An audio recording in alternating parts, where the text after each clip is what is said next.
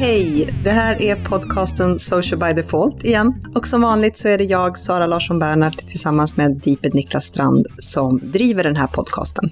Podcasten Social by Default, precis som konceptet, är ett samarbete mellan Know It Experience och United Power. Vill du lära mer om oss? Gå till socialbydefault.se. Har ni frågor till oss eller åsikter om avsnittet, åsikter om podden, eh, åsikter om det mesta så twittra gärna med hashtaggen socialbydefault eller prata med oss på vår Facebook-sida. Länkar till det vi pratar om kommer att finnas på podcast.socialbydefault.se. Hej Sara! Hej Niklas! Hur är läget?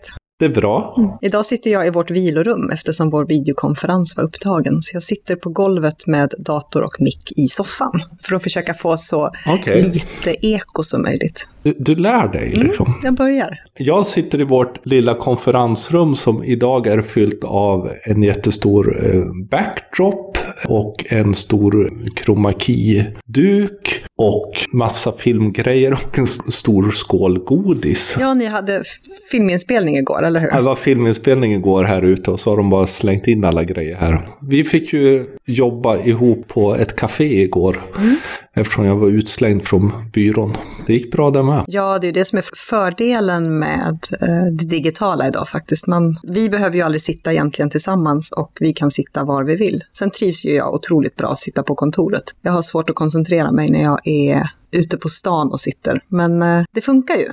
Och det är skönt. Mm. Ja, och det är ju det som är lite fascinerande med att kunna jobba som du och jag gör också. Att vi faktiskt inte behöver vara, även om det är alltid oerhört trevligt att jobba tillsammans och vara på samma ställe, så är det liksom, vi behöver ju inte det och kan jobba heltid tillsammans som vi gör just nu. Mm. Med hjälp av Skype, med hjälp av Google Docs och andra sociala möjligheter. Mm. Vad har hänt då, sista tiden? Vad händer? Mars har ju varit lugnt har vi ju sagt. Mm. April blir desto... Typ tvärtom. ja, herregud. Uh, min, min agenda ser ut som ett enda färgsprakande, jag vet inte. Ja, nej men det ska bli kul. Vi har, har flera, fler, fler dagars kurser på gång med olika kunder. Jättekul. Mm. En bergskurs här då blir aprilbergskursen. Den är fylld av spännande människor. Ja, det blev en annorlunda blandning den här gången. Mycket mer ja. personliga varumärken och eh, en hel del, vilket jag tycker är kul, mode och eh, fashionbloggare och sådär. Så. Jag ska påminna dig att du sa att du tyckte det var kul när du har pack, packningsångest inför mm, det. Precis. Nästa bergskurs är i sommar. Vi lägger ut en länk. Om ni känner för att hänga med oss i tre dagar och lära om att bygga varumärken i sociala medier, gå den på mm. Bergs. Sen har vi lite frukostseminarium och grejer framöver mm. i Linköping. Vi har ett i Linköping och vi ska ju prata på content. Ja, det är i höst. Just det, det var i höst. E-commerce däremot ska vi... Nej, men det, det är kul. Alltså, det börjar ju fyllas på i höst också. Det är ju mm. fantastiskt roligt. Så det är sånt vi håller på med. Och sen podcasten. Vi funderar, det här är 29 avsnittet. Mm, herregud.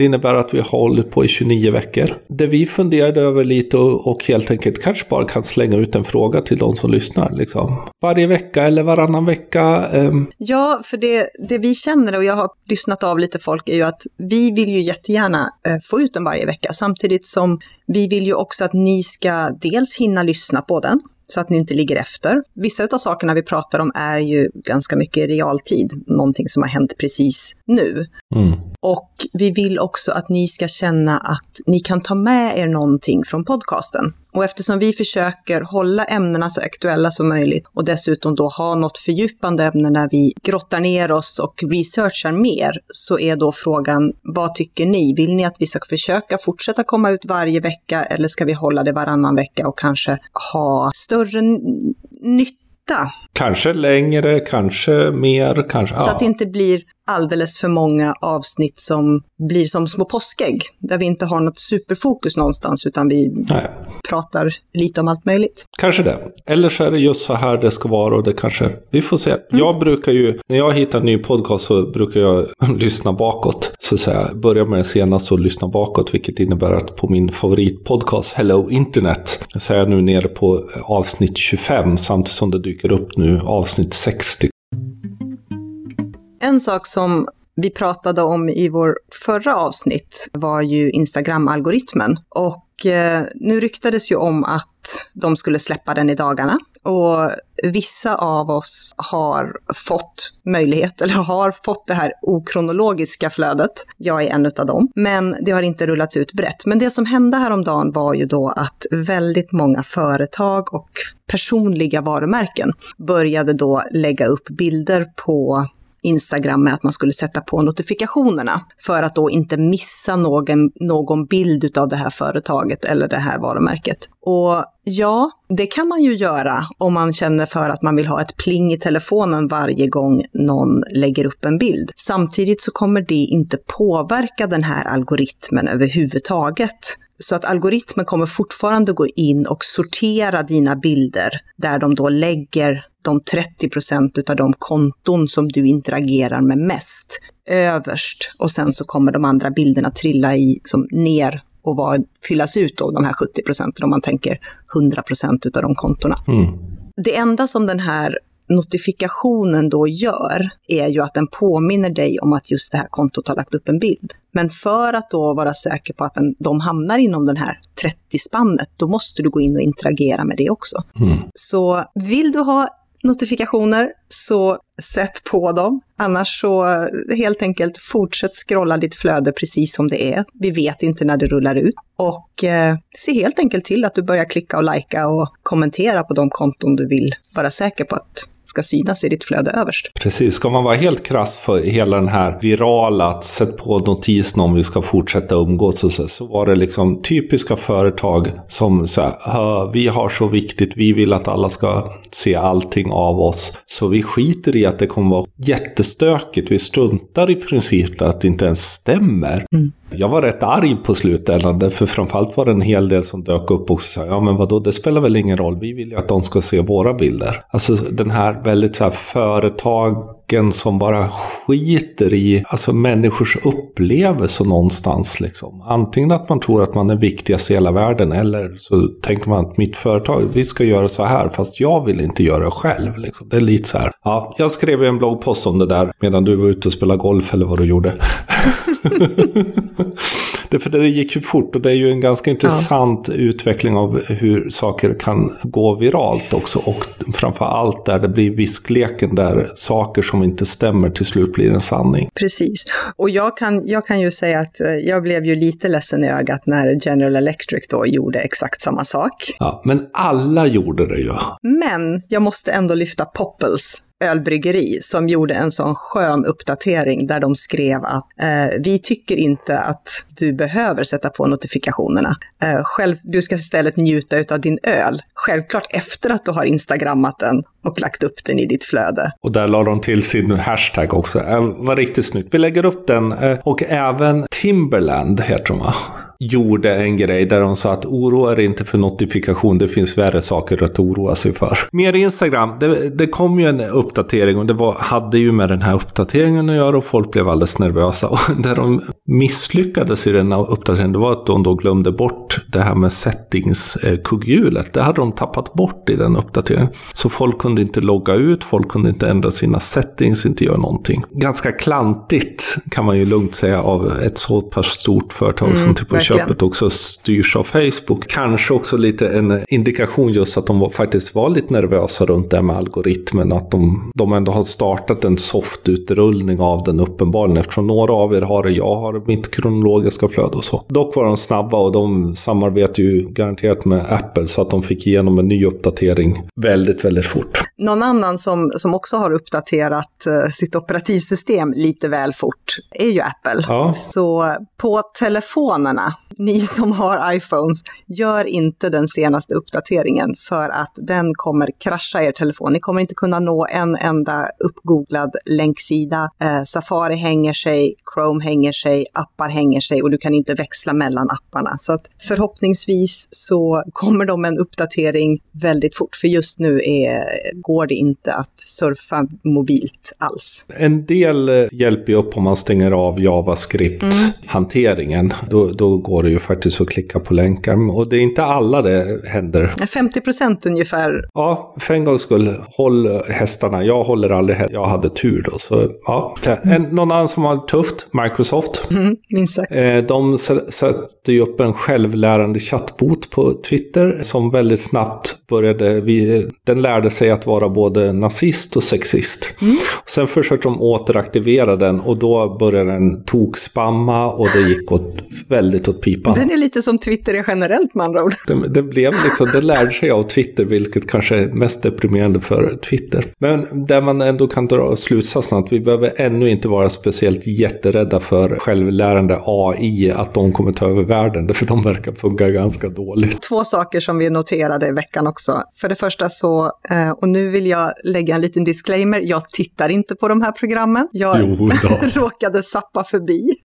råkade sappa det har i alla fall på femman, tror jag, dykt upp en serie som heter X on the beach. Och programmet i sig behöver vi inte prata om, men det som är intressant är att det här är första gången, det är alltså en dokusåpa, och det här är första gången som jag åtminstone ser att man tillsammans med namnen presenterar Instagram-nick för varje deltagare. De har liksom sett målgruppen är i en viss ålder och att Instagram är den starkaste kanalen som de här människorna då kan få följare och uttrycka sig med. Så de har faktiskt skapat då Instagramkonton, eller många av karaktärerna har ju Instagramkonton, men inte gjort det på Twitter. Och det kan jag tycka är intressant. Sen äh, har det ju släppts en massa grejer. Det, det är verkligen ibland så där som man känner händer inget, händer inget och sen händer allt. Det är liksom Heinz ketchup-effekt på det hela. Jag gissar att många släpper grejer nu innan Facebooks F8 som alla bara väntar på att det kommer bli något, deras utvecklarkonferens. Mm.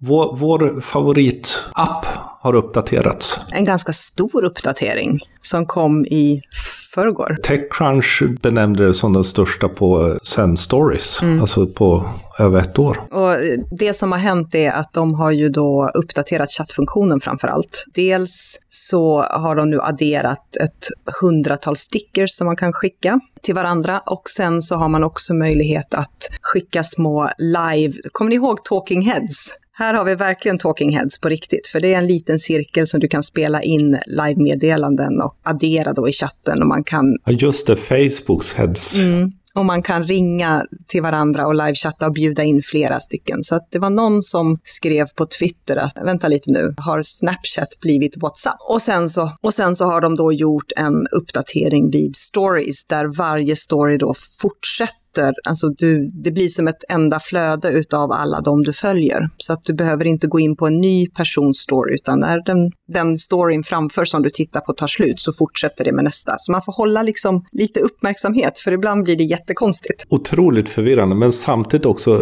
jag gillar det väldigt mycket, därför det blir liksom tv. Man sätter sig och tittar på stories och så sen kan man då liksom som vanligt klicka vidare nästa grej eller klicka vidare till nästa person, swipe swipa och stänga och det är kanske det mest briljanta på länge. Mm. Jag följer ju väldigt många och jag tyckte det var, det är rätt skönt liksom istället för att hela tiden behöva klick, klicka igång saker. Nu väntar vi bara på algoritmen som kommer vikta så att dina vänner ligger överst. Ja, alltså det sa jag väl förra gången ja. också tror jag. Att, att jag menar Snapchat skulle jag faktiskt vilja ha en algoritm på och just för, för att... Och sen, just det, det här får en sak till som har hänt på Instagram. De kommer ju nu släppa 60 sekunders filmer för alla inte bara för annonsörer. De, började, de lanserade ju sina video-ads Eh, i 2014 i slutet och först var de ju 15 sekunder. Sen blev det 30 sekunder och sen så nu senaste tiden så har man ju kunnat Eh, ha 60 sekunders filmer när du har annonserat. Problemet är att vi är så ovana vid att titta på långa filmer på Instagram. Så man insåg att folk satt inte kvar och tittade hela vägen, utan därför kommer de nu först då implementera 60 sekunders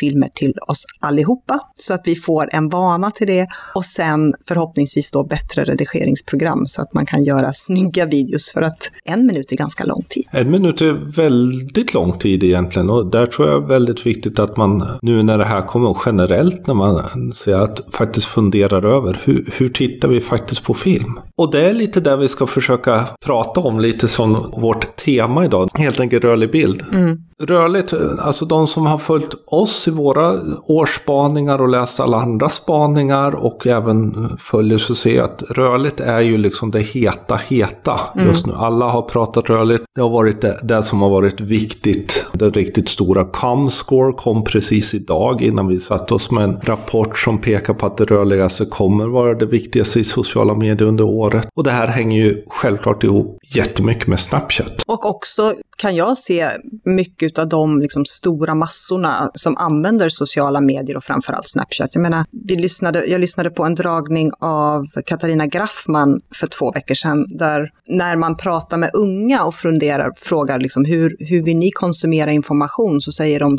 snarare att varför ska jag läsa om jag kan titta? Mm. Och det gör ju också att video blir så otroligt mycket mer intressant. Och vill man fånga den målgruppen, och nu pratar vi inte unga som 12 till 16, utan snarare 30 och neråt eller 35 och neråt, ja men då behöver man se till att man arbetar mycket med rörlig bild. Verkligen. Och då kan man ju fundera vad, vad det finns för rörliga bildkanaler. Mm. Och det, det, det, roliga med det här, och det, det, var ju, vi håller ju på att förbereda ett antal uh, utbildningar här och just har tittat, nu blir det ju ännu rörigare med rörlig bild eftersom det finns så otroligt många olika tidsspann på det. Därför du har Wine som fortfarande är 6 sekunder. Instagram har gått från då 15 till 60 snart, eller kommer göra. Mm. Snapchat är ju 10 sekunder samtidigt som i princip så kan du göra hur långt som helst. Facebook är ju hur långt du vill, liksom. men, mm. men där man ser, när man tittar på hur mycket folk, så, folk tittar på Facebook så är det ganska kort man tittar där. Mm. Vi tittar längre på en YouTube-film än vi tittar på en Facebook. Och det är ju egentligen inte så konstigt, för att på YouTube så har du ditt fönster, medan på Facebook så har du saker som du liksom, som pockar på din uppmärksamhet både ovanför och under eftersom du har möjlighet att scrolla ett flöde. Precis. Och det blir ju samma sak på Instagram, till skillnad då kanske från Snapchat där återigen, du har det fönstret som du tittar på. Mm. Snapchat är väl mer att man då, det här var tråkigt så man trycker mm. framåt. Och sen har vi ju live-delarna, Periscope framför allt. Mm. Men som många säger att, men säkert kommer Instagram med en live-funktion, Facebook har kommit med ett live, en live-funktion, YouTube har en live-funktion som fungerar sådär inte så jättebra och så vidare. Så, och så självklart YouTube och Vimeo som är liksom att lägga upp filmer. Mm. Så, så det är ett antal och massa olika olika format och det intressanta är väl också, ska man lägga allting på överallt och hur ska man faktiskt jobba med film? Eh, idag. För det blir, ju, det blir ju egentligen den största utmaningen tror jag. Det vet ju vi när vi pratar med, när vi håller våra utbildningar och kurser, just det här att man inte kan tänka långfilm utan snarare okej, okay, här har vi vårt, vårt filmkoncept och hur ska vi kunna bryta ner den i olika format så att man kan använda filmen på så många plattformar som möjligt. Mm. Kan vi bryta ner den då i 15 sekunder har vi pratat om Instagram, 30 sekunder som kan ha varit då kanske någonstans gränsfallet istället på YouTube och sen då om vi vill ha en reklamfilm eller en YouTube-film som kan vara lite längre. Att fundera på hur jobbar vi med film? Och jag vet att vi pratade om det också när vi hade intervjun med Jonny Lindqvist. Mm. Just det här att attention spanet är ju så mycket viktigare. Vi har liksom inte råd att göra en längre ingång, Nej. för då tappar vi bort tittarna. Och framförallt att tänka också att de, många tittar utan ljud. Mm. Att fundera, de där tre sekunderna man har på sig, liksom, hur plockar man upp så att man faktiskt vill sätta på ljudet eller fortsätta titta och åtminstone veta vad det handlar om, att det är värt att titta på. Och just när det gäller att jobba med antingen text på film i ett intro eller att man har en otroligt eh, kort headline eller vad man ska säga. Det är ju någonting som, som Now This News, alltså man skulle kunna titta och inspireras av dem. Framförallt på Instagram och Snapchat och se hur de jobbar med, och även Kit. Och båda mm. de här har vi plockat, plockat upp som bra exempel innan. Precis. Alltså det, det, är ju lätt en sån här gång att man bara pratar rörligt med det, det coola, det nya. Men, men, YouTube och Facebook är ju de viktiga plattformarna att titta på med film. Mm. Och där får man ju också dels fundera, för det är ju det här med visningar, det är ju alltid knöligt. Facebook räknar ju faktiskt, en visning är tre sekunder mm. någonstans i fönstret, medan YouTube är en, räknas en visning 30 sekunder. Och på båda kan man ju se hur, hur länge någon har tittat i då insights eller i sta statistiken, hur länge folk tittar. I. Det är ju kort och då inser man ju att det krävs ju inte att man lägger ut den gamla vanliga filmen som man tycker har gjort det enligt gammalt sätt, utan man behöver göra social video mm. på ett helt annat sätt. Verkligen. Och där kan man ju titta ganska mycket på hur V-loggingen har har utvecklats. För de är ju otroligt duktiga på att väldigt snabbt komma till sak. En annan grej som också är eh, intressant är ju streamingutvecklingen. Det, det, är ju ganska precis ett år sedan som Periscope släpptes. Mm. var i dagarna här och då visade det sig att de har 200 miljoner startade streamar under ett år. Gentemot de miljarder streamar som Facebook gör och YouTube gör och även Snapchat gör är ju det lite. Men det här är ju fortfarande det här, den nya livestreamingen. Mm. Eh, och jag vet när de släpptes så satt du och jag i Stockholm och vad heter, testade det ganska direkt när Periscope kom. Just ja, vi satt i foajén på ett hotell. Precis, och folk tittade lite konstigt på oss. Det intressanta eh, kan jag säga, jag som har varit med när Bambuser i princip startade, var, är ju att jag menar streamat har vi kunnat gjort i alla år med Bambuser, livestreaming. Men det har ju slagit nu mm. och slår på en ganska bred nivå. Ja, och det är rätt lustigt att det ändå har tagit så lång tid som det har gjort. För jag menar, livestreaming har ju funnits och väldigt många universitet, framför allt amerikanska universitet, har jobbat med livestreaming och föreläsningar och sånt i flera, flera år. Men att det först nu blir, jag ska inte säga mainstream, men det har ju mainstreamifierats. Gemene man kan ju faktiskt ladda ner Periscope och börja streama, även om det inte är så vanligt i de äldre åldrarna. Så många unga har ju testat och det har vi ju pratat om tidigare. Ja, precis. Och det, jag tror jättemycket av det hänger ihop med en sån enkel sak som att vi har mycket mer mobildata nu än vi någonsin har mm. haft. Alltså i, i abonnemangen. För jag kommer ihåg när vi började köra bambuser med våra Nokia 95-or, Då hade man ju nästan ingen mobildata i, ett, i abonnemangen. Och Björn Falkevik som ju är Sveriges pionjär verkligen på när det gäller social video. Han fick ju ringa till, jag tror det var tre han hade. Och han typ använde mest mobildata av alla i hela tre system. Vi har ju pratat mycket Periscope. Det fanns ju faktiskt en föregångare, Mercat. Ja. Vart tog den Vart vägen? Tog...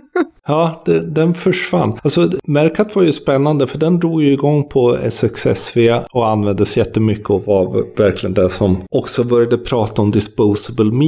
För det försvann ju verkligen direkt, mm. det man gjorde på Mercat. Idag har de ju pivoterat till att jobba mycket mer mot intressen och det ska vara mer matvideo och lite sånt där. De insåg att de blev uppkäkade av Periscope big time. Ja, precis. Alltså det enda som Mercat har varit stort är ju att YouTube har ju kört Mercat under varje turné under en viss tid direkt sänt. Mm. Låtit en, en fan komma upp och så köra märkat. Annars så har det ju liksom totalt tappat. Men streaming, viktig. Rörlig bild, viktig. Är vlogging viktigt för företag tror vi? Jag tror att det har väl också med ett, ett generationsskifte att göra. Det finns ju många, många unga vloggare och jag tror att man har som ung en helt annan vana att konsumera, vad ska man säga, videobloggande eller lyssna av någon som gör något och filmar sig själv än vad vi kanske har som är något äldre. Så jag tror att återigen, det kommer komma mer och mer och man behöver som företag fundera på dels vilken målgrupp man vill nå. Har man en yngre målgrupp, ja men då ska man testa vlogging och se om man kan jobba med influenser eller liknande liknande. Men även de som, är, eh, som har lite äldre målgrupper kommer ju inse att väldigt snart så kommer vår vana i att titta på video på det här sättet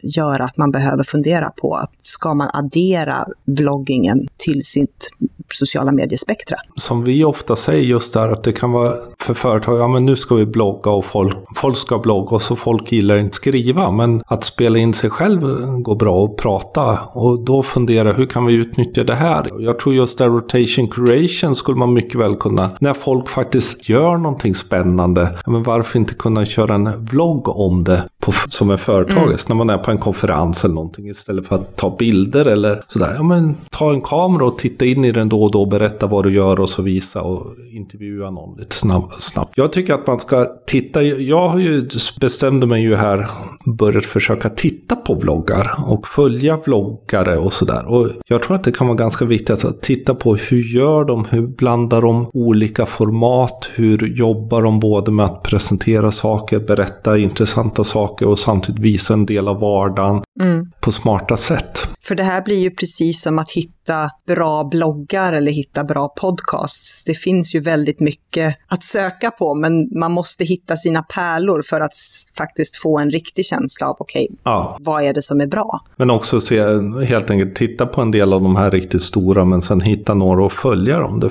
Och då måste man ju tycka det är intressant, annars blir det ju outhärdligt. Mm. Vad har du för personliga favoriter? Alltså jag tittar ju på Postnördar så Justine, jag tror jag har tipsat om henne tidigare. Hon, hon, hon och hennes syster Jenna vloggar och sen gör de Justine gör Tech Tuesday då hon berättar om någon teknisk pryl eller går igenom några rykten om, hon är ju Apple-fan Girl. Eller så unboxar hon någonting nytt och sådär. Fem till åtta minuter, lite sådär skönt. Verkligen mycket. Sen finns det en eh, kille som driver en, eh, en YouTube-kanal som heter Veritasium. Och han har då eh, en extra kanal där han kör walk and talks.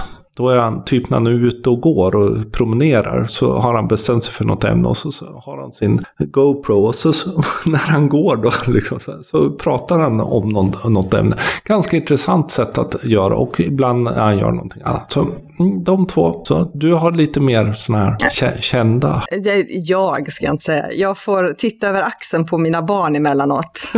um, de är ju som ni vet eh, snart 8 och 10 och dottern då, tioåringen, hon tittar såklart på Miss Lisabelle. Jag har gjort ett tag. Uh, Keyyo är en annan favorit och Therese Lindgren som jag kanske tycker är lite för gammal för en, en tioåring att titta på när det gäller makeup-tips och sådär. Och sen så Daniel Norberg har de börjat titta på båda två faktiskt. Framförallt eftersom han gör sådana roliga parodier på Melodifestivalen och det är ju mm, mm. inne just nu. Men eh, det finns ett, hel, ett helt gäng med riktigt duktiga och förvånansvärt unga V-loggare mm. i Sverige. Alltså de har liksom hoppat över allt annat mm. och bara gått rakt in på video liksom. Så det, det är kul att se att de är totalt orädda och någonstans så känner man att shit, jag skulle också velat vara 14 och haft ja. en techig pappa som kunde hjälpa mig. Och... Dina barn har ju en techig mamma. Mm, kanske inte riktigt så techig, men uh, lite poppig kanske. men när jag funderade på att testa det här så testade jag ju också att spela in. Det finns inte utlagt någonstans. Men det är för fasen en jättekonstig känsla att gå omkring med en kamera. Det är liksom, iPhonen funkar inte och den vill man ha till annat. Gå omkring med en kamera och prata in i den, framförallt bland folk. Ska vi sammanfatta? Ja, det får vi göra. Rörlig bild. Ja, det man ska tänka på mm. lite grann är ju hur vi konsumerar. Att det är en liten skärm. Att i väldigt många flöden så finns det saker som pockar på uppmärksamheten både över och under, så man behöver komma till skott väldigt snabbt. Mm. Att folk inte har ljudet på. Så hur ska ni kunna fånga min uppmärksamhet och få mig att sätta på ljudet? Om du nu ska göra en längre film, hur kan du korta ner eller klippa upp eller använda delar på flera plattformar så att du inte låser mm. in dig i en 30 sekundare och sen så funkar den ingen annanstans. Det är det jag tänker på. Vad tänker du? Rörlig bild är så mycket mer rörlig bild. Alltså där är ju livestreaming som vi har en del av det. Sen har du realtidsfilm som vi, du och jag brukar kalla det som läggs på Facebook eftersom så att säga det trycks ju ner mm. i både av egna nya uppdateringar och andras uppdateringar. Och sen on demand som kanske är med YouTube. Alltså att man lägger upp det någonstans och sen får användare får trycka ut i andra kanaler väldigt mycket och den finns på sök. Och, och där är ju viktigt att just titta på intresse versus hållbarhet och liknande sådana. Så att fundera, hela tiden fundera, vad är det man faktiskt vill berätta? Och se till att ha något att berätta. För att göra film för filmandets skull blir ju sällan bra. Det, inget blir bra att bara göra det för sin, e för sin egen skull, utan man behöver en story. Man behöver någonting att berätta. Plocka in rörlig bild, inte bara tänka YouTube, inte bara tänka lägga ut sina vanliga reklam, utan fundera nästa steg nu i sin strategi. Hur, hur kommer man jobba med rörlig bild som en del av den visuella storytelling? Mm. Och förutom det, en, en sak till, att också komma ihåg att om ni har hashtags, om ni har andra saker som ni jobbar med i kanalerna eller på Instagram eller liknande, glöm inte att lägga in det i era filmer. Eller försök att hitta en CTA, vad vill vi att vi ska göra sen när vi har tittat färdigt på filmen? Så att man också funderar på vad vill vi att trafiken ska gå eller vad vill du att den som tittar ska göra i nästa led? Det är också intressanta saker som man inte får glömma. Jätteviktigt. Och så våga testa helt enkelt. Med det här så var det faktiskt det vi hade att prata om idag. Så tack för att ni är så många som lyssnar. Vi kommer lägga in ett antal länkar som kopplar ihop med det vi har pratat om idag. Några blogginlägg som jag vet att eh,